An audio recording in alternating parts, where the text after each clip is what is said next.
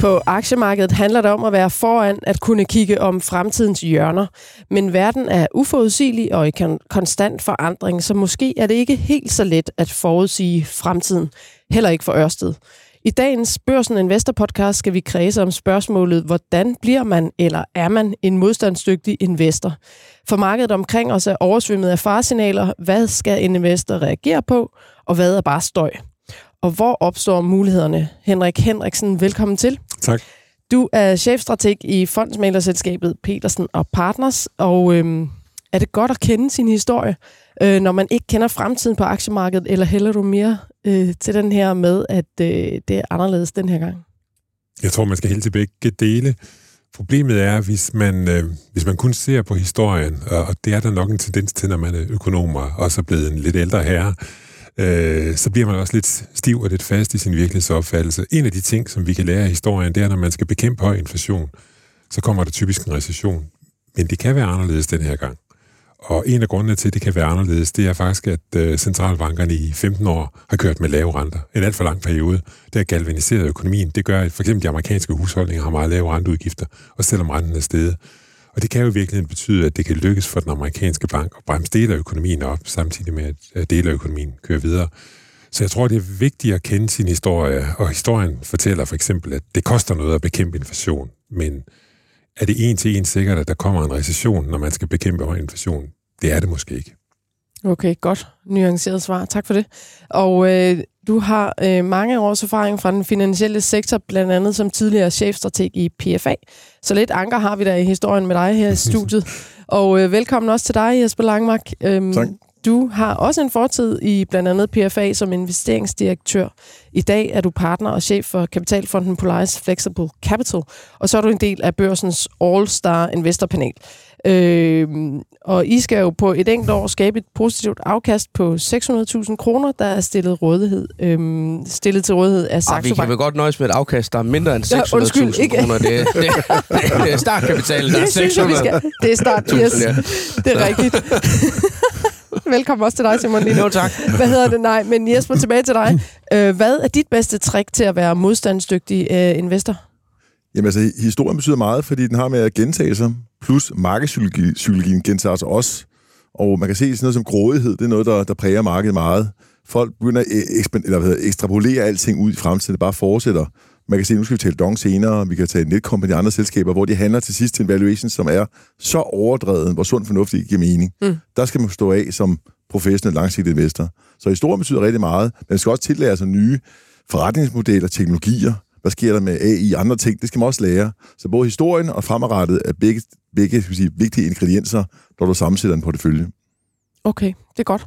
Og Simon, du kom lige ind øh, fra højre der og reddede mig. Ja. Øhm, og velkommen til dig. Og jeg du prøvede er, i hvert fald. du er investorredaktør ja. på Dagbladet Børsen, og din opgave er netop at dække aktiemarkedet fra de helt korte til de langsigtede nyheder. Vi skal jo tale Ørsted i dag. Ja, det er en øhm, af de øhm, grimme. Ja, ja. Der, der er mange årsager til, at vi skal snakke om dem, og den, eller den, og den er jo faldet cirka 78 øh, procent fra toppen i 21. Det er den tredje mest ejede aktie blandt private investorer hos handelsplatformen Nordnet. Hvad er dit bedste råd til dem? Åh, oh, skaden er jo sket. Det, øh, altså, det er faktisk lidt det der med at kende sin historie, og hvis man sådan spoler tre år tilbage, så må man jo sige, at Ørsted handlede jo øh, sådan øh, på et niveau, hvor at, at man slet ikke kiggede på fundamentalerne i selskabet, og hvor det var øh, den her lomme af, af meget hypede grønne energiaktier, der blev handlet op, og vi havde den her ETF-fond, øh, øh, Global Clean iShares, der steg 140 procent på bare et år. Så det der med, når noget er for godt til at være sandt, så er det det, som oftest også, og det er jo det, der er sket i Ørsted her. Og så, øh, så samtidig med det, så har du et selskab, som øh, hvor hypen forsvinder ud af, og det skal til at handle til nogle mere almindelige værdiansættelser, som så kommer ud i store problemer og vanskeligheder på grund af den her stigende rente, og så har du den perfekte aktiestorm. Og øh, altså, øh, jeg tror, jeg vil holde mig fra at give godt råd til, hvad man skal gøre nu, men jeg kan i hvert fald sige, at der er meget mere risiko i aktien. Og noget af det, man begynder at frygte nu, det er jo med den her store, store nedskrivning, de kommer ud med, er det 28,4 øh, milliarder kroner, de melder mm. ud i dag, at, øh, at de skal ud og sælge aktier på et tidspunkt. Og når man skal ud og sælge aktier på et tidspunkt, hvor at en forretning er i knæ, så, øh, så bliver det dyrt at være investor. Så det er i hvert fald en advarsel, ikke et godt råd. Så. Godt, man må selv lige vurdere, hvad man skal gøre i hvert fald. Vi skal også forbi øh, aktiekorrektionen i markedet. Øh, hvad ligger der bag, og hvordan kan man positionere sig netop for at få øh, noget modstandsdygtighed. Og så skal vi prøve at nå øh, en banksektor, der virker ret overlegen, måske som den eneste her øh, i øjeblikket, og de opjusterer i en uendelighed. Og så skal vi runde en minisektor, der skriger på investeringer. Og her er der flere aktier, der relativt til markedet ser billige ud. Velkommen også til dig, der lytter med. Mit navn er Gro Højer Tilst.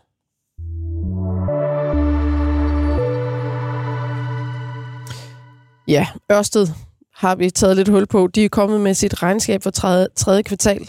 Øh, og det er jo et øh, festfyr, eller det er ikke et festfyrværkeri, men det er et fyrværkeri af nyheder.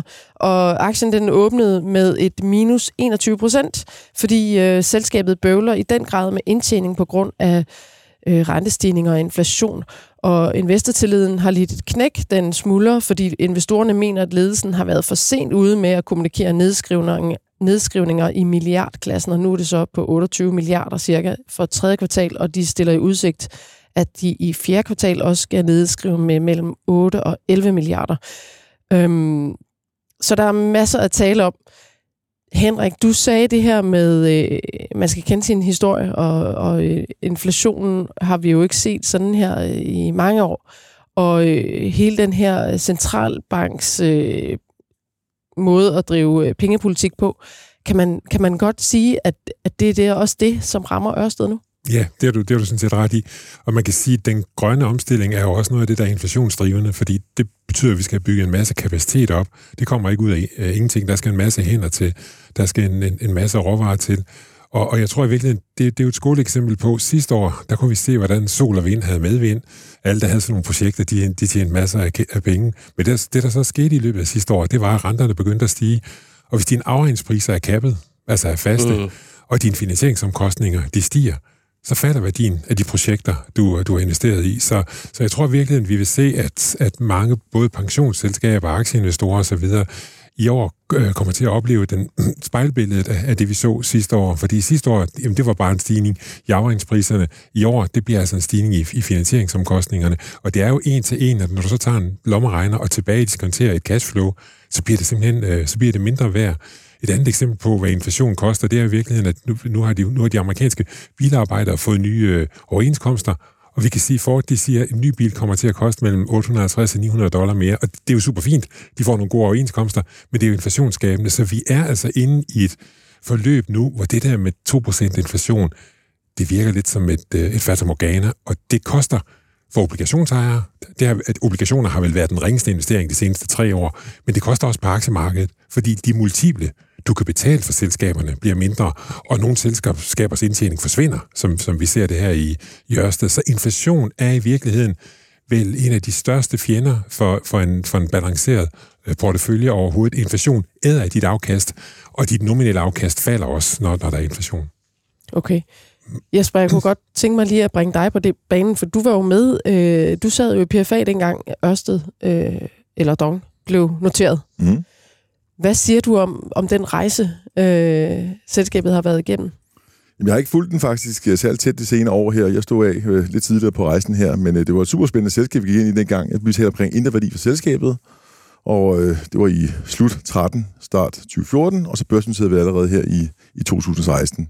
Så der var mange øh, ting, man gjorde rigtigt fra starten af. Jeg synes også, det er godt selskab. Det markedet glemte lidt, som Simon også var inde på, at man ekstrapolerede alting, og valuation blev enormt høj for selskabet. Mm. Og plus, man skal også huske på, at det er en projektforretning. Det er ikke nogen, der bare producerer en standardvare og optimerer det osv. Det er projektforretning, og der er masser af risici i projektforretninger. Det tror jeg ikke, at aktiemarkedet er indikonteret. Så jeg synes, at det har været en super god rejse for selskabet, og der er også skabt masser af værdi, siden staten solgte oprindeligt set. Men der er mange risici i den her branche, og det bliver markedet opmærksom på nu. Ja. Og får mere færre prisfastsættelse af selskabet. Ja, Simon, skal vi lige prøve lige at tage sådan et, øh, en opsummering af, hvad regnskabet har vist, og hvad det er, de kommunikerer ud, fordi vi havde en øh, artikel i børsen, der netop, øh, hvor øh, en af vores journalister havde talt med øh, en masse øh, investorer. Ja. Og de ja. ledte jo efter blandt andet, øh, altså de, de mangler tillid. De skal have noget mm. klar kommunikation, de skal have noget transparent. Og, øh, og sådan som jeg hørte fra, fra selskabet i dag, så skal man vente til øh, fremlæggelsen af Q4-regnskabet mm. til at få noget mere... Øh, viden om, hvad foregår der her. Øh, vil du sige lidt om, hvordan du ser på de udmeldinger, der er kommet i dag med regnskabet? Ja, men det kan jeg godt, øh, men lad os lige spole lidt tilbage først. Altså, øh, vi kan jo starte med at konstatere, at den her aktiekrise i Ørsted er jo også en tillidskrise. Øh, vores kollega øh, Signe Dudal Nørgaard har jo lavet et kæmpe stykke arbejde med at ligge og ringe rundt i, øh, i øh, hele investormiljøet, både i Danmark og, og, øh, og udlandet, for ligesom at finde ud af, jamen, hvordan ser man på det her derude. Og der må man sige, at der er meget, meget, der er meget, meget øh, hæftig kritik af den måde, selskabet har kommunikeret på, og ligesom også har gjort, at, at øh, investorerne har mistet tilliden, og vi har flere øh, i en artikel, vi udgav i går, som er ude at sige, at de har simpelthen ryddet deres portefølje for, for Ørsted-aktier af den her årsag. De havde jo en kapitalmarkedsdag tilbage i juni måned, hvor at, øh, de inviterede alle deres investorer ind og fortalte om, øh, hvordan det gik. Og dem, der var der den dag, de gik egentlig hjem med det indtryk, at øh, jamen, det, gik, øh, det gik udmærket, at de, til trods for de her stigende renter, så kørte, øh, så kørte forretningen sådan nogenlunde business as usual. Og så kommer der den her kæmpe nedskrivning i august måned, bare et par måneder efter kapitalmarkedsdagen, hvor at, øh, de er ude at nedskrive først 5 milliarder, og siger, at det kan blive 16 milliarder. Øhm, det bliver så og så sidder, så, sidder, så sidder folk jo så og undrer sig lidt over, hvordan det kan ændre sig så meget på, på to måneder. Øh, og, og, øh, og det er de investorer, vi har talt med, ligesom efterlyser, det er jo klar tale. Det må man så sige, det har de så fået med den udmelding, der kom ud efter øh, midnat det her natten til onsdag, hvor at øh, nedskrivningerne så springer de rammer, de selv meldte ud i, i øh, august. Altså nu er det jo så 28,4 milliarder. Det er særligt øh, to øh, amerikanske projekter, som volder dem problemer, og det er jo blandt andet på grund af det, du også fremhæver, Henrik, med de her faste afregningspriser. Og jeg tror, at de projekter er jo nok indgået for, er det 5-6 år siden eller sådan noget, og verden har jo bare forandret sig utrolig meget i forhold til, hvad koster det at opføre vindpakker, hvad koster finansiering, og det gør jo, at, at det, der kunne på, øh, i dit Excel-ark øh, dengang kunne se ud som om, det var en lukrativ forretning, bare ikke er det længere, når din finansieringsomkostning er meget, meget højere. Øh, og vi har også talt om for 14 dage i podcasten her, øh, siden tror jeg det var, hvor vi var inde og, og, og kigge lidt ned i de kontrakter der, og hvor at, øh, der var forlydende om, at øh, Ørsted har, har forsøgt at øh, tage, de, tage debatten op med øh, New York om det her, og mm. for langt lige at få korrigeret, eller i hvert fald foreslået, at de kunne få korrigeret betalingerne ja, med 27 ikke. milliarder kroner over, øh, over øh, løbetiden, tror jeg det var, på 25 år. Det sagde de selvfølgelig nej til. Så de har jo været ude og prøve at trække i nogle tråde i forhold til at justere på, på kontrakterne, sådan så det kunne blive bedre. Men de er åbenbart blevet mødt med modstand, og det er så derfor, vi står her, hvor vi gør i dag. Øhm, og meldingen fra Ørsted er jo så, at, øh, at de to projekter der, at øh, de sættes, øh, de sættes på, øh, på hold.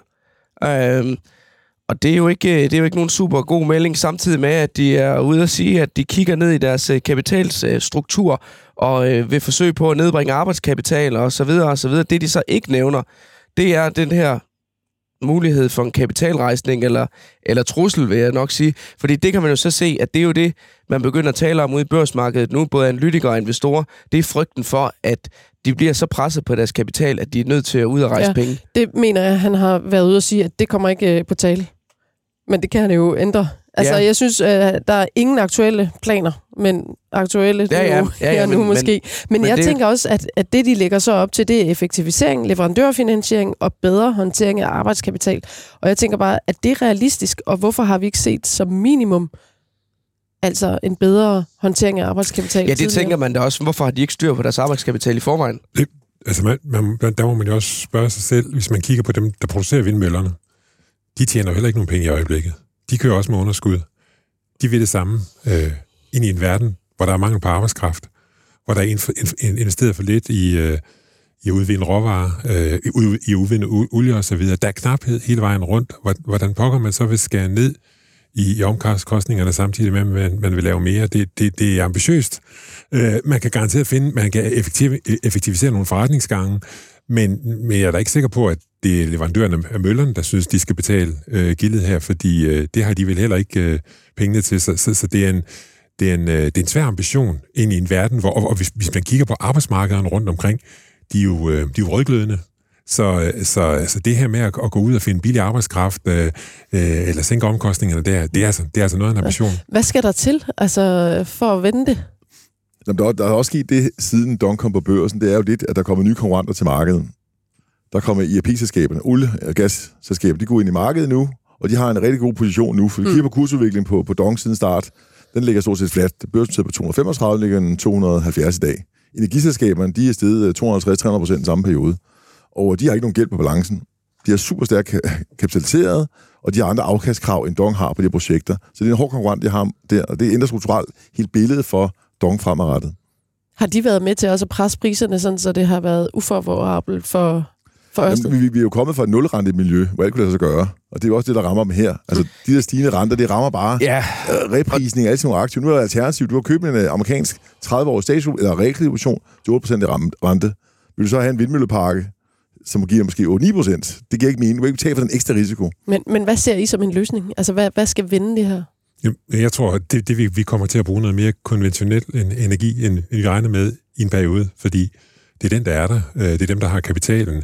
Og hvis der er nogen, der er blevet presset på kapitalen, og har været nødt til at være effektiv øh, og have en, en meget streng kapitaldisciplin, så er det i virkeligheden de traditionelle øh, olieselskaber. Og det er jo også derfor, øh, de handler lavt i forhold til den det, kan vi sige, det, det de genererer til, til investorerne. Hvis man kigger på de amerikanske energiselskaber, så giver de faktisk, hvis, hvis du regner den gæld, de betaler tilbage øh, i, i deres forretning også, så giver de faktisk et yield på omkring 10 procent. Øh, det, det, er altså, det er svært at finde sektorer, der, der, der giver så højt et, et, et, et yield. Så de har, jeg er enig i Jesper, med Jesper, de, de har et vældig godt udgangspunkt for at kaste sig ind i det her, og de har om nogen været øh, i bad standing hos investorerne af, af, af masser af årsager. Så, og, og problemet ved det, det er jo virkelig, at der er blevet fundet for lidt olie. Altså, vi, vi, mm. vi kommer til at stå i en situation nu, hvor hvor skal energien øh, komme fra? Vi vil ikke købe den hos Putin af, af, af gode grunde.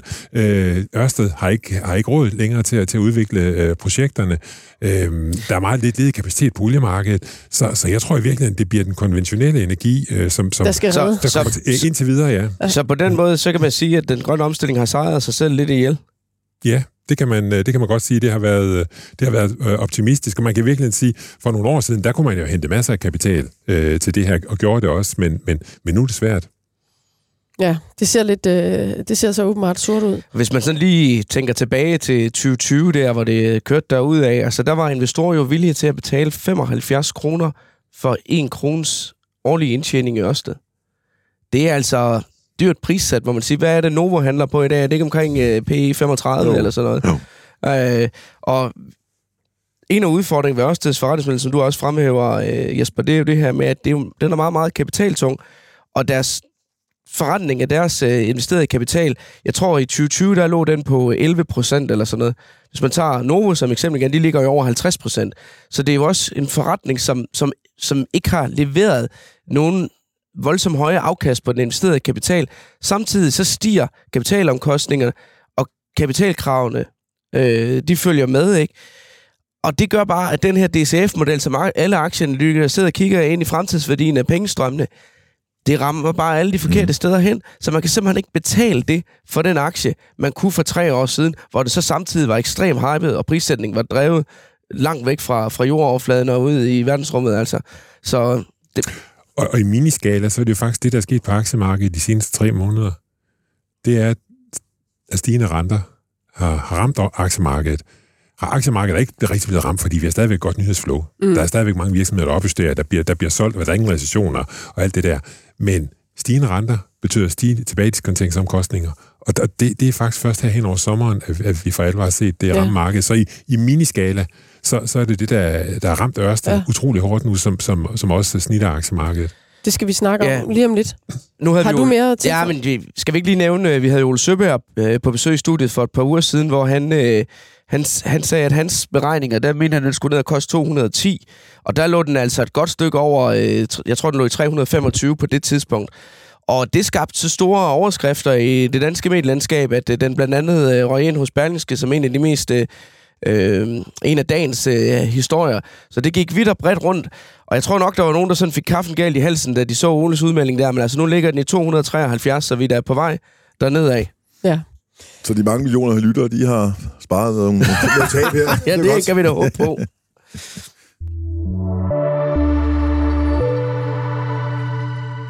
Nu skal vi til en sektor, der klarer sig godt, når renterne stiger. I hvert fald øh, i den, den skala, de har gjort indtil videre. Fordi herhjemme, der har vi den seneste uge øh, set flere bankregnskaber, og øh, dermed flere flotte resultater og flere opjusteringer. Senest har vi fået Danske Bank, Spar Nord, Sydbank og Jyske Bank, hvor sidstnævnte for første gang siden 2018 vil udbetale udbytte. Og øh, giver bankaktier lige nu og fremadrettet beskyttelse til usikre økonomiske og geopolitiske tider? Det, det vil jeg gerne høre jer om, altså i forhold til det der med, om man gør sig, øh, sådan, har en stærk portefølje, hvis man ligger med noget bank lige nu. Altså jeg, jeg tror, at der er en god ting ved bankaktier. Det er den sektor, som har den mest positive korrelation til renteudviklingen. Så det vil sige, når renterne stiger, så er det altså banker, du skal ligge i på aktiemarkedet. Og det er også det, historien har vist. Det er jo sjovt, jeg sad lige og kiggede på en, en gammel graf over, over, over europæiske banker i forhold til, til, til resten af markedet. Hvis der er en sektor, der har været hadet siden finanskrisen, mm. så har det været banker af tusind grunde. Det har performet dårligt, og bankerne har gjort alt det forkert, og, og, og så videre. Men bankaktierne er de bundet den dag Pfizer fandt øh, vaccinen mod øh, corona. Fordi da Pfizer fandt vaccinen mod corona, så kom, blev samtidig med Biden præsident, så blev der ført en enormt ekspansiv økonomisk politik, verden kunne genåbne, og renterne kunne begynde at stige. Så, så at ligge i bankaktier, siden, uh, siden, Pfizer, siden uh, Pfizer fandt sin, sin vaccine der, det har faktisk været en, en fantastisk uh, forretning. Og det kommer også ud af en situation, hvor banker var enormt oversolgt og var enormt hadet som investeringsobjekt. Og, ja. det, og, det, og det er faktisk fantastisk at se, at banker som Jyske Bank og Danske Bank handler stadigvæk kurs værdi 0,7 ja, Henrik, jeg, jeg, søgning på 7. Altså. Jeg kan i hvert fald huske, at øh, vi to af flere omgange, måske endda mange omgange, har skrevet historien øh, sammen om, øh, hvor lavt prissatte bankaktierne var fra årene efter finanskrisen og så frem til, at de bundede der. Det var jo en lang, lang ørkenvandring, det må man sige. Det var ikke særlig sjovt at være bankaktionær i de år. Nej, men også Jyske Bank ligger jo stadigvæk, synes jeg, så en price, øh, eller prisindre, eller kursindre værdi under en. en ja. Kan det passe? Ja, præcis. Ja. præcis. Øh, og så og, leverer de sådan en regnskab. Så, så jeg vil sige, det der er problemet for bankerne, det er selvfølgelig, hvis vi får en recession, så bliver bankerne hårdt ramt, men danske banker, og jeg vil så også sige et stykke hen ad vejen europæiske banker, vi ser, at danske banker er meget, meget bedre kapitaliseret end op til finanskrisen. Så, så jeg tror, hvis vi får en recession, selvfølgelig taber de penge, og selvfølgelig vil bank, øh, kurserne på bankaktier falde, men det er en helt anden vare, end, øh, end vi så. Og op til finanskrisen, der handlede bankerne to gange inderværdi. Mm. Og i dag køber du dem stadigvæk under inderværdi på en, på en meget stærkere kapitalstruktur, øh, og du har, du har en positiv korrelation til inflation. Inflation er, er vel noget af det, der er sværeste at dække af på aktie- og obligationsmarkedet. Så så ja, jeg, jeg kan godt lide bankaktier i portefølje. Kan I huske den der, øh, den der aktiefond, der hed et eller andet med danske provinsbanker, som i årene op til finanskrisen var en af de bedste aktiefonde overhovedet? hvor at det med, at der var så meget kapitalindstrømning i den, de var simpelthen nødt til at lave den om, fordi at øh, der var ikke nok provinsbankaktier at købe op i, til at man kunne placere kapitalen. Men, men igen, det er jo også det med grådighed, ikke? Altså, der er en eller anden ligevægt omkring bankaktier. Det er omkring indre værdi, det bør handle på lang sigt. Mm.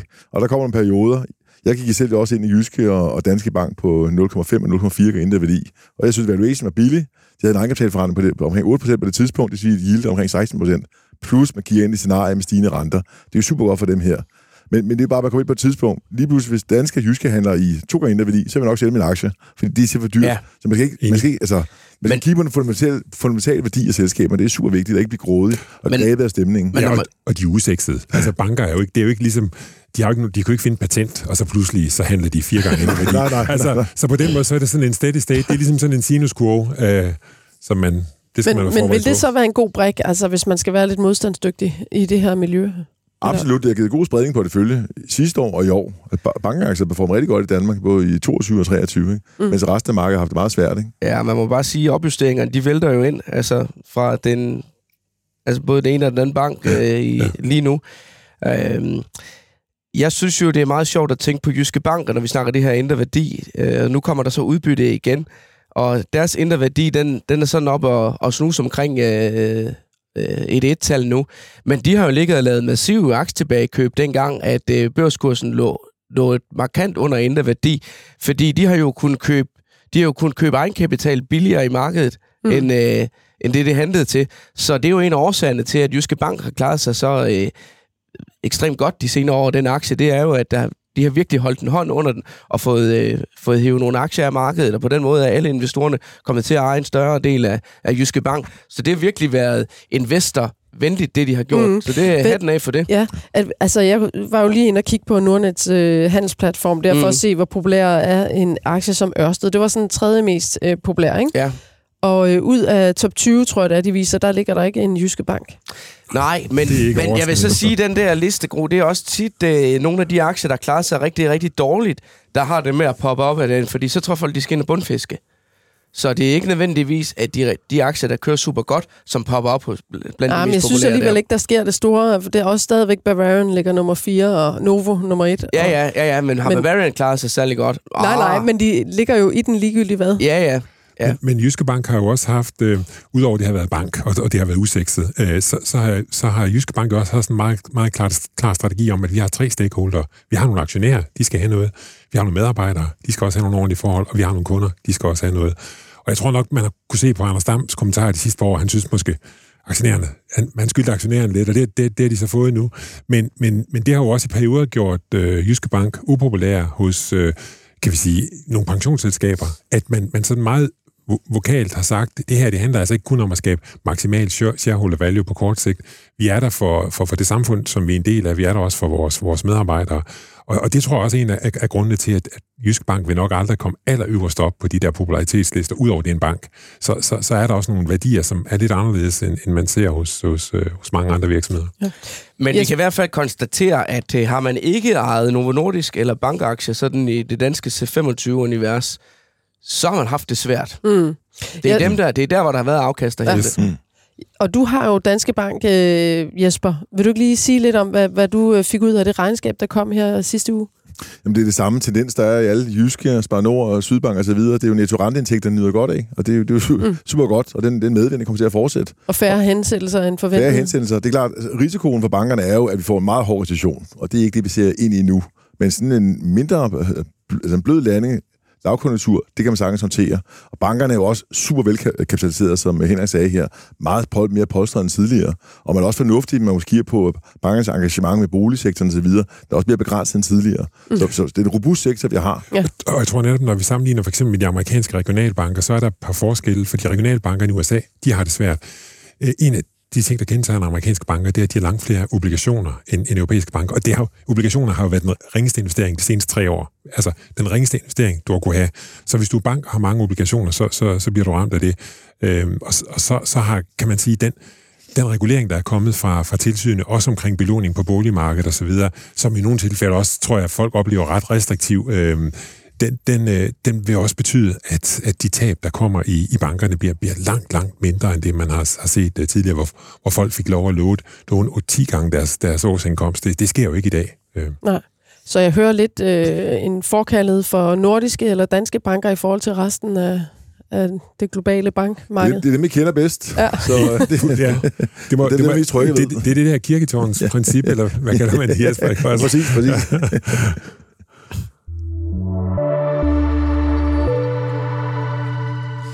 Jesper Langmark, nu har jeg lige sagt øh, indledningsvis, at man ikke kan se ind i fremtiden. Øh, så var det held eller forstand? Og med andre ord, et mere øh, eller et meget kvalificeret bud, øh, bygget på historie, erfaring og viden, da du i midten af september, sidst du var med her i podcasten, øh, sagde, at markedet skulle falde med 5-10 procent. Nej, jeg mener ikke det. Man kan sige timingsmæssigt måske held. Men jeg tænker jo lidt på den lange bane, ligesom nu har vi diskuteret banker før. Jeg kan bare se, at nogle selskaber handler til halv inden værdi, må gå ind i det rentestigningsscenarie. De bør performe. Om det er sket 3-6 måneder på den ene eller anden side, det ved jeg ikke. Jeg kan bare se, at tingene kommer til at udspille sig på en eller anden måde. Og det samme her. Renterne er steget så voldsomt. Det har altså nogle effekter, både for forbrugerne og for investeringsmiljøet. Og den kommer bare med lækkende effekt. Og så jeg vidste bare, at det ville komme på et eller andet tidspunkt. Og det ser man stille og roligt nu. Dong er også et godt eksempel. Det er jo også, de er også ramt af de stigende renter. Så det er hele vejen rum, de her lækkede effekter kommer. Og det rammer aktiemarkedet. Der, hvor jeg er blevet lidt overrasket, det er særligt tech-aktierne. De har gjort det super godt. Og det er jo nogen med høj valuation, hvor meget cash vil ligge ud i fremtiden. Det vil sige, der er meget rentefølsomhed i, de her, i deres DCF-model, når man putter det ind, en stigende rente. De har faktisk klaret sig ret godt i forhold til det generelle marked. Det har vi lidt overrasket over. Men der kan man også se nu, de skal også lige være varen. Vi har set nogle af de regnskaber, der kommer nu her. Er der bare en lille my i, øh, i, Ja, i, Alphabet i for forhold til eksempel. kontinenterne, så, så, falder aktien 10-15 procent. Så de begynder også at komme under pres nu her. Og det, der er specielt med markedet i øjeblikket, det er jo lidt, at det er jo syv aktier, der trækker det hele. Amerikanske aktier, uden de syv aktier, ligger stort set fladt. Mm. Og det der øh, kan sige, investeringsmiljøet, makromiljøet, det dækker over, på overfladen ser det fint ud, Men du har nogle sektorer, der er i recession, andre buller ud af. I Danmark et godt eksempel, det er jo Novo Pharma buller ud af. Du har øh, hvad hedder nu, huskompaniet og andre sektorer, der har det sindssygt svært.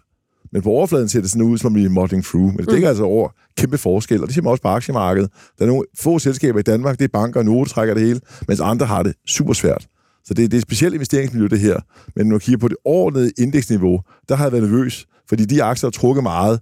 Jeg tror, de er for overvurderet, og de kommer længere ned. Så derfor har jeg været lidt negativ på, på markedet mm. overordnet set. Men underliggende, hvis kigger ned under de brede marked, der er nogle lommer, der er super interessante. Hvor, hvor kunne det være? Jamen inden for, der er small cap selskaber, som er blevet enormt billige, som bare falder, fordi folk bare skal ud af small cap for eksempel. Der er masser af muligheder dernede.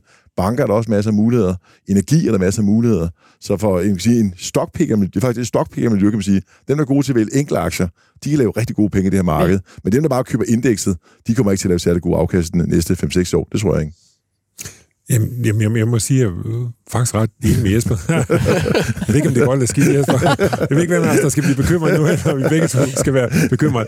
Men, men, men også den her uh, todeling, jeg, jeg synes også, hvis man kigger ind på det amerikanske boligmarked, hvis du sidder og, og er boligejer i dag, så har du typisk en lånerente på 4%. Du har et job, gode jobmuligheder stadigvæk. Alt er godt. 4% er jo ingenting. Hvis du skal ind på det der marked, skal du betale 8% aldrig har der været så, der har aldrig i historien været så stort et spænd mellem det, folk har fundet sig til i dag, og så det, de skal betale, hvis de skal ind på markedet. Det siger jo noget om, hvor lempelig pengepolitikken har været i en periode, og det siger noget om, hvor hårdt centralbankerne har trådt på bremsen. Vi har haft de største rentestigninger i, øh, i 40 år. Det har ramt, det har ramt øh, Ørsted, øh, det har ramt, øh, det har ramt dem, der skal ind på, på, på boligmarkedet. Og hvordan det rammer økonomien, det, det er stadigvæk lidt et åbent spørgsmål, fordi en stor del af økonomien er galvaniseret af de her, af de her lave renter. Så den der todeling af et marked, kigger du ind på boligmarkedet, så har du også en todeling. Dem, der er inde på markedet, de gamle, de velbjergede, de sidder på flæsket, fordi de har friværdier, eller også har de fastforrentede lån, og så har du de unge, der skal ind, der har den største boligbyrde i historien. Og der kan man måske også spørge sig selv, er det hensigtsmæssigt, at centralbankerne har ført så lempelig en pengepolitik så længe og skal træde så hårdt på bremsen? Er der et generationsproblem her? Og det er selvfølgelig ikke noget, vi skal forholde os til sådan, som, som investorer, men, men det, jeg synes også, der er et moralsk problem øh, her øh, i halen af den her meget, meget lempelige mm. pengepolitik. Men hvis vi lige skal prøve at, at kigge på, altså det vil sige, at vi får effekterne af rentestigningerne nu. Men de, de kommer jo ikke til at bare være nu, og så er det overstået om et halvt år. Altså, de forventes vel at være der længe, også fordi hvis vi skal forvente, at renten er høj i lang tid, som de lægger op til, så vil de her effekter jo nok øh, slå os øh, flere år endnu. Altså, hvordan vi så, altså, hvis der er rigtig gode muligheder, hvis man er god til stockpicking, altså, hvor, hvor skal man helst prøve at, at øh, finde noget for at at bygge den her modstandsdygtige øh, portefølje. ja, nu kommer der sikkert en, en kold øh, vind mod mig og alle mulige, der sidder derude. Men øh, ja, ja, jeg sidder og kigger på andre ting end kun aktier. Ja. Og det er noget samtidig, hvor det føles også andre aktivklasser også sindssygt attraktive. Igen, nu at man kan købe stats, realkreditobligationer, altså attraktive kreditobligationer. Der er masser af andre aktivklasser, der er super attraktive, så derfor kan man sprede på tværs af aktivklasser. Det er ikke kun aktier, der er mange andre ting, der er attraktive. Og det man ser nu, også blandt mange institutionelle investorer, det er, at folk allokerer over fra børsen til aktier over i kreditobligationer. Fordi på et overordnet indeksniveau, nu har vi rådet for afkastforventninger ude, jeg tror, der er 6-7 procent, det regner med næste 5-10 år på aktiemarkedet. Jamen altså på kreditfusioner kan du måske hente, vi har talt om det før herinde, mm. ansvarlig kapital i bankerne.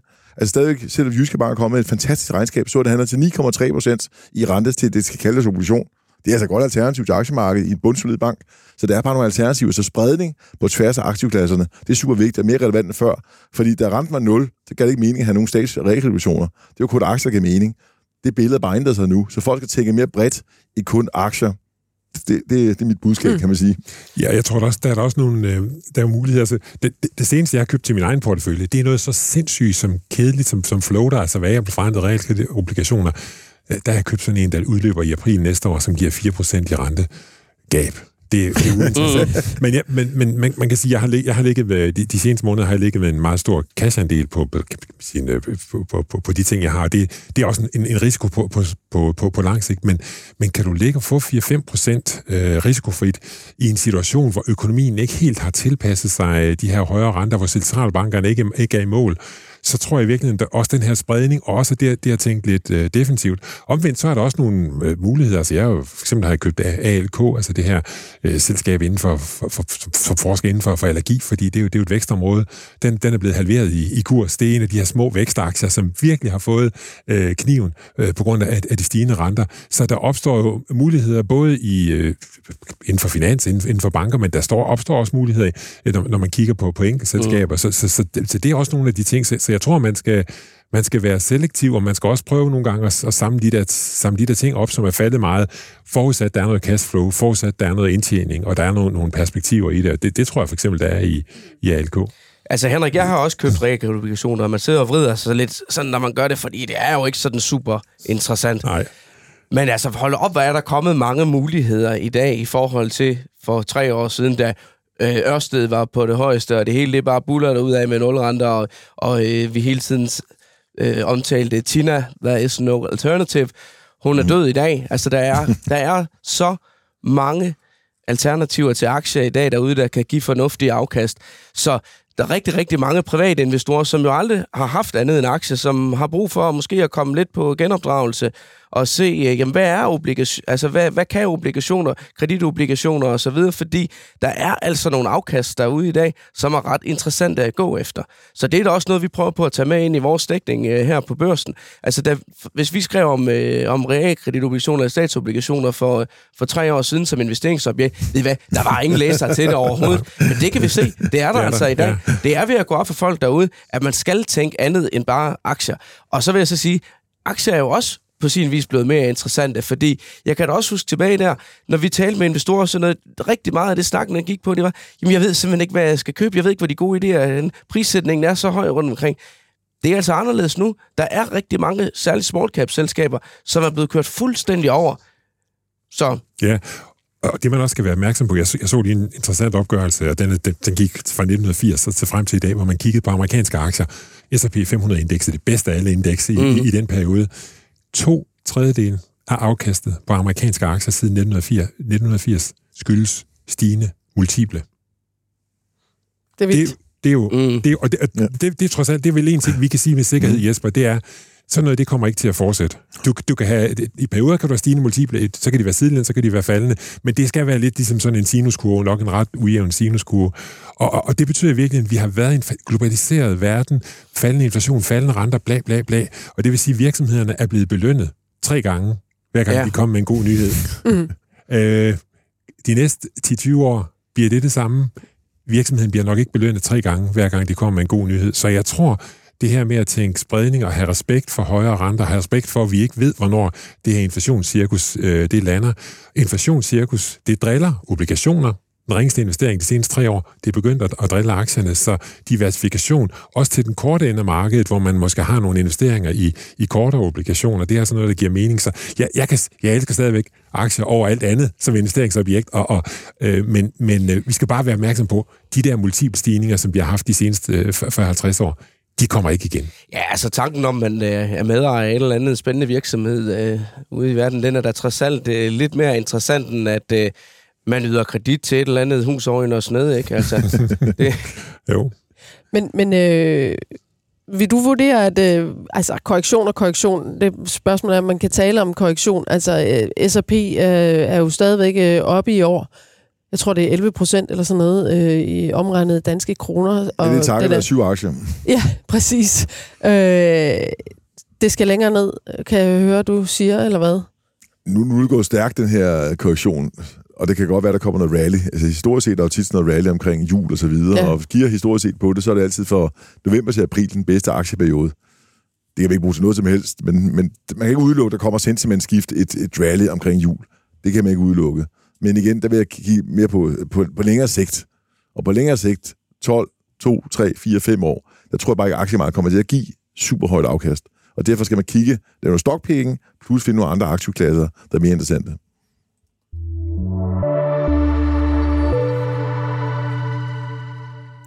Vi har et par år talt øh, meget om underfinansiering, altså manglende investering i olie- og gassektoren, og nu er turen sådan set kommet til samme problematik i minesektoren. Det er i hvert fald budskabet fra verdens største investor og kapitalforvalter BlackRock.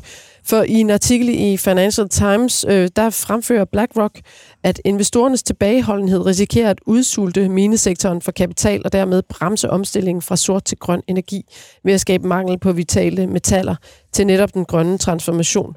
Og af den her artikel fremgår det for eksempel, at selskab, eller aktier i selskaber som Hambro, BHP, Rio Tinto, Glencore, Anglo American er handlet ned til PI-værdier, altså det vil sige øh, prisen øh, for øh, 1 krones indtjening i selskabet, og de her P-værdier, de er handlet ned til 8,5 mod en PE-værdi på 18,5 til S&P-indekset. Øh, Jesper, du har læst den her artikel. Mm. Er det korrekt? Yes, øh, og du øh, kender problematikken. Altså, hvordan ser du som øh, investor på de her mine selskaber? Jamen, det er jo en del af løsningen på en, en grøn omstilling, det er, at du har de her input råvarer. Lad os sige, øh, der tager sådan noget som batterier. Jeg er med til at finansiere en batterifabrik i Nordsverige. Når du producerer sådan en batteri, det er jo kobolt, du skal bruge. Det er produceret i Kongo. Og det er cirka 20 kilo for sådan en batteri, man skal bruge. Så der er enormt behov for, hvis du kan have en grøn transition af elbiler, at have kobolt. Ja. Og du skal have mineselskaber til at producere det her. Og øh, det, det foregår meget af det i Kongo, som er lidt et specielt land. Men jeg vil sige, der er det jo godt at have nogle etablerede mineselskaber, der gør det. Rio Tinto og andre, hvor det er, der er en governance-struktur, som vi også har i Danmark, lignende steder, hvor man opfører sig ordentligt med ESG og så videre. Det er jo vigtigt at have sådan nogle selskaber, i stedet for den kinesiske udvinder af kobolt. Så jeg vil langt hellere have det. Men hvis man kan drage på landet til DSV nu. Jeg vil hellere have DSV er nede i Saudi-Arabien end en kinesisk øh, leverandør af det produkt. Jeg tror, det er langt, eller jeg ved, det er langt bedre med DSV for, skal vi sige, ESG og den måde, man samfundsansvar og så videre. Det er meget bedre. Og den problematik har man her. Man har også inden for energi. Vi skal bruge, som Henrik siger, vi skal bruge olie næste mange år. Så vil jeg hellere have nogen, der producerer olie, gør det på en ansvarlig måde, frem for nogle andre, der gør det. Fordi vi skal have olien. Så det er en speciel problematik her. Mm. Så jeg, jeg synes hvad hedder nu, at øh, det er forkert, at man bare fravælger mineindustrien. Ja, fordi men det er der jo der er rigtig, behov for ja. den. Men det er der jo mange større institutionelle investorer, der netop gør, fordi der er så mange problematikker, både med ja, ESG, altså miljø, sociale forhold, øh, governance-forhold. Men det er også, Men man kan, det- det, kan det er- ændre sig. Man kan sige med, med forsvarsindustrien. Folk ændrer sig også på det. De Ja. ja. finde ud af, at det er måske meget godt at have noget forsvar, og man skal bruge noget krudt og kugler osv. Ændrer man sig også her. Jeg tror også på olie og gas. På gasdelen, det er jo ikke sådan, folk havde gas før. Nu får vi tyrefelt op og køre i Danmark. Det er der ikke nogen store protester øh, omkring, fordi vi har brug for det. Ikke? Så jeg tror også, folk ændrer sig lidt i forhold til mineindustrien på sigt. Jamen, behovet for minedrift har jo aldrig været større, end det er i dag. Mm. Og hvis vi vil have et fossilfrit samfund, så kræver det bare mm. øget minedrift. Og det er jo sådan lidt en blå tilgang at have til, til bæredygtighed og grøn omstilling, det der med, at nej, huha, ej, miner, det er noget, noget rigtig, rigtig skidt, så det skal vi ikke have for meget af. Men øh, vi skal have masser af elbiler, vi skal have masser af, af vindmøller og så videre. Vi skal jo bruge de metaller til at lave den omstilling med. Altså, hvis vi lukker alle miner i morgen, så får vi ikke nogen grøn omstilling. Nej, Og det, og det er netop interessant, for jeg er fuldstændig enig, Simon, at den, det er en, det er en, det er en delt holdning, som, som, som vi som beslutningstager, og selv beslutningstager i, i pensionsselskaberne, kan godt håndtere det der med, på den ene side skal vi have en grøn omstilling, på den anden side så udsøgler vi de penge, der skal være med til at skabe den grønne omstilling.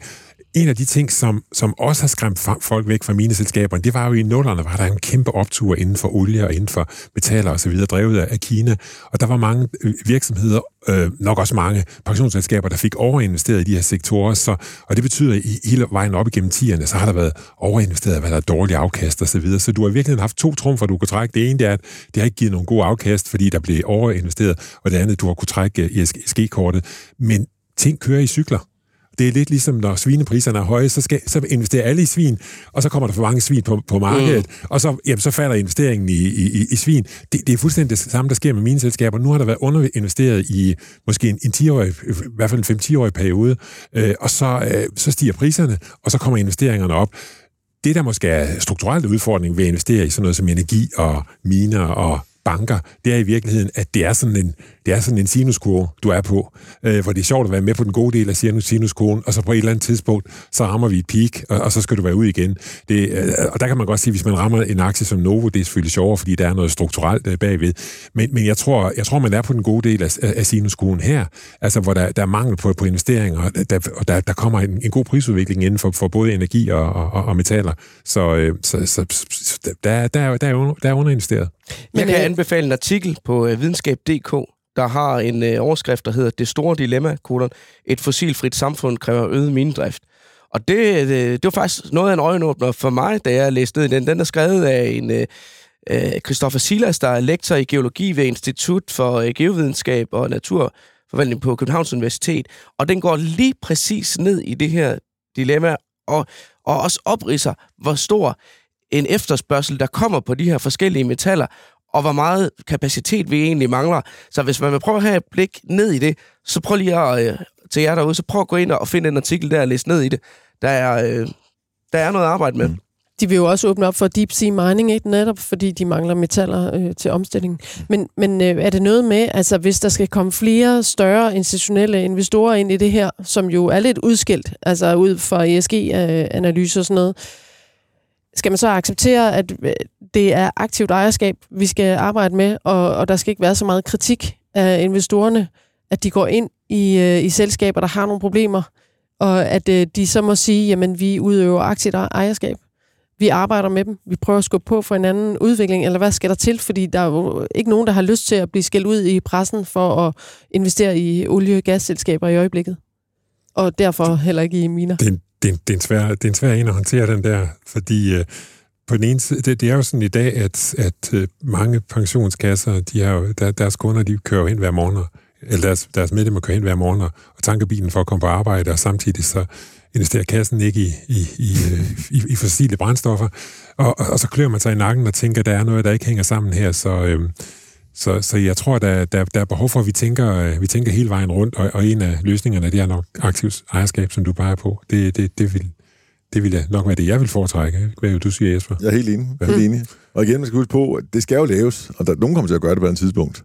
Så hellere finde et selskab, hvor det har en ordentlig ESG-politik, der gør det her, frem for nogen, der ikke gør det. Mm. Ja, og, og hellere købe det et sted, hvor det bliver gjort, lavet ordentligt, end købe det af Putin eller, mm. eller i Mellemøsten. Det, det er jo ligesom, det er, en lidt, det er en lidt kedelig løsning, vi, vi har valgt der. Den artikel, jeg refererede til før, det er faktisk også øh, nogle forslag til mulige løsninger på den problemstilling her. Altså, øh, han foreslår, at øh, der skal være øh, krav om ekstern miljømonitorering, når man starter nye miner op, sådan så at øh, man ligesom får noget validering fra øh, et eller andet instans, der kan gå ned i det her og vurdere, er det det rigtige sted at lave en mine så at selskaberne de skal øh, betale depositum, der kan dække genetablering af naturen efter indproduktion, parentes, mm. selv hvis selskabet skulle gå konkurs. Og det tredje, det er involvering af lokal arbejdskraft under regulerede forhold. Og der må man også bare sige, det der, det lyder fuldstændig rigtigt, det er lige efter lærebogen, og det koster kassen. Yes. I en verden, der mangler kapital, ja. og hvor andre inflation er på vej op, det går der kommer det der til at bidrage til festlighederne. Så tak, tak for den, Simon.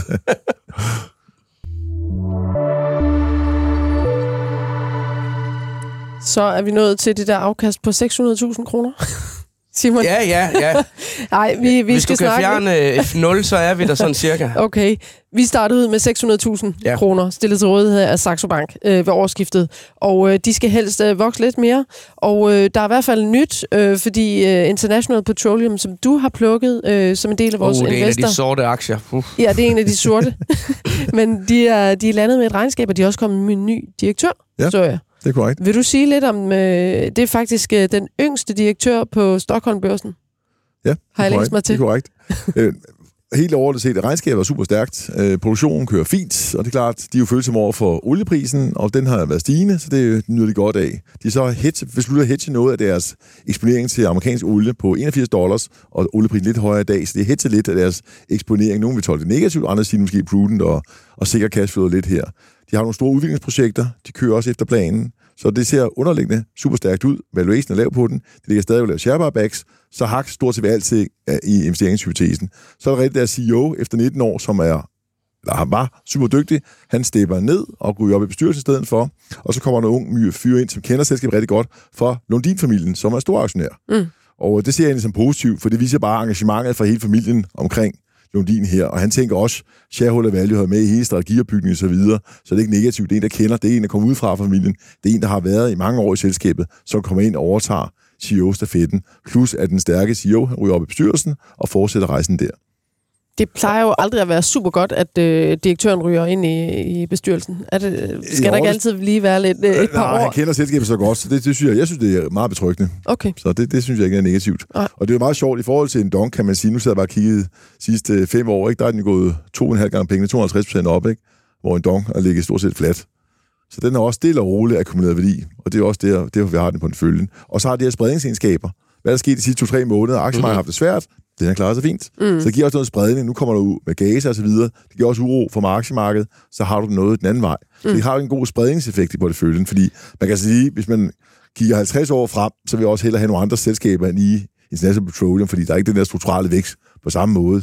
Men den har nogle gode porteføljeegenskaber. Isoleret set inden for industrien, så er det bare en af de bedste selskaber. Mm. Ja, og Jesper, den er begyndt at røre lidt på sig også øh, kursmæssigt. Vi købte den jo i sommeren sidste år, tror jeg, mm. og øh, efter den faktisk havde taget en stor optur, så har den ligget lidt underdrejet i vores portefølje i en periode, men øh, den er begyndt at få noget medvind nu. Steg faktisk 3,4 procent i går. Vi har et samlet afkast på den på, på 14 procent øh, fra vores købskurs nu.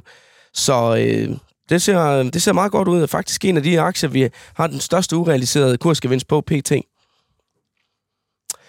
Og hvis vi så lige skal øh, kigge øh, på Hexagon Composite, som vi jo har snakket om utrolig mange gange her i øh, podcasten, som Ole Søberg, han har jo øh, cyklet ud af en af den aktie her flere omgange, og virkelig ligget og swing-traded den. Jeg kommer til at kalde ham øh, Mr. Swing Trader Ole Søberg, sidst han var med her.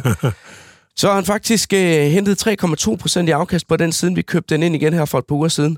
Det var vores absolut bedste aktieinvestering overhovedet i All-Star-porteføljen øh, i den tid, vi har kørt den, siden, øh, siden øh, vi startede den for halvandet år siden nu. Og jeg tror, Composite-aktien der har vi tjent knap 30.000 kroner på, plus at der så blev udskilt den aktie, der hedder Hexagon Purus, som vi så også har tjent knap 10.000 på. Så det har været, øh, den har været rigtig, rigtig god for os, og bidraget til, at vi har et samlet afkast på 64.000 kroner i år. Så siger 10 procent? Ja. Og var danske aktier nede med 5% i år. Ja. ja det, så jeg synes godt, vi kan være tilfredse. Ja, det er meget godt. Ja, det, så, det, det, så hvis man gerne vil have sådan en modstandsdygtig portefølje, så kan man gå ind og tjekke øh, øh, All-Star-portefølje. ja, vi har jo også, øh, vi har jo også lidt bank øh, med Danske Bank, Jesper, som du øh, købte ind tidligere mm. i år. Den er vi oppe med øh, godt og vel 14 procent på. Så ja, der er også kommet lidt dividende over Yes, det skal vi også huske. Mm. Det skal vi også huske. Øh, Henrik, du sagde til mig faktisk, at øh, du har øh, flere øh, kontanter stående på sidelinjen end nogensinde før. Er det rigtigt? Ja, det er helt skørt. Og det, altså, jeg lavede en omlægning i øh, sidst i august, og, og det endte med en, en altså, kan man sige, rigtig mange kontanter i min pensionsdepot. Øh, og jeg har købt øh, lidt af men jeg skal nok også have investeret noget mere, men så det, ligesom alle andre, så har jeg jo øh, taget penge siden 1. 1. august, men jeg vil da sige, hvis, hvis jeg havde været fuldt investeret, så havde jeg tabt noget mere, så, så, øhm, så, så hvad man siger, blind høne kan også uh, finde korn. Og jeg, jeg, jeg har... Uh, jeg, jeg, jeg, hvis, hvis jeg skal prøve at sige noget om markedet kortsigtet, jeg, jeg vil godt se markedet blive lidt mere oversolgt. Vi har haft en 10% korrektion i S&P, vi har haft en 13% korrektion i ligevægtet S&P, vi har haft en 18% korrektion i, uh, i, i small cap i USA. Så, så det er altså det er en mavepumper, mm. uh, markedet har fået. Uh, men markedet trængte også til det. Øh, der, en, en, en reality dose. Øh, jeg vil måske godt lige se lidt mere, øh, men, men, men så, øh, jeg, jeg tror i virkeligheden, at den næste større bevægelse lige så godt kan blive op som ned. Der er noget sæsoneffekt. Centralbankerne er formentlig færdige med at hæve, hæve renterne. Inflationen har lettet sig.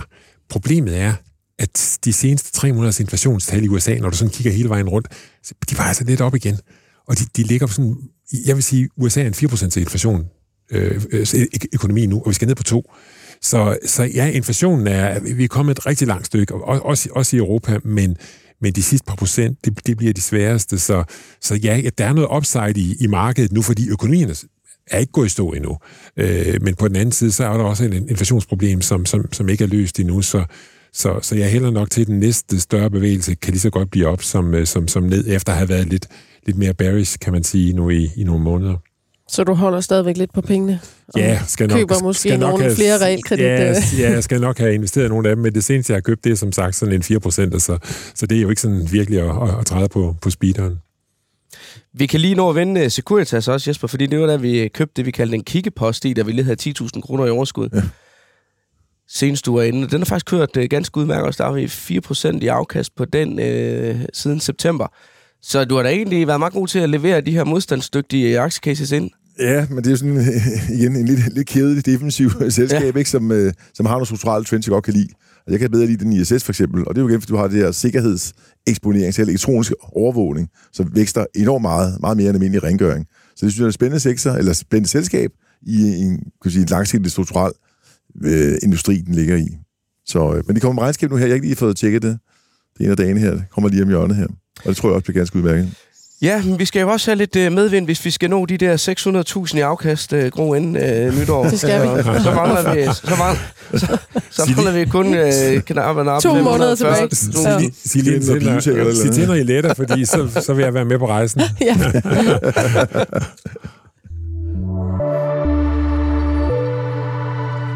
Jeg håber, der blev delt viden og idéer ud til, hvordan man som investor modstår de mange usikkerheder i markedet, og hvordan man står fast i uværet.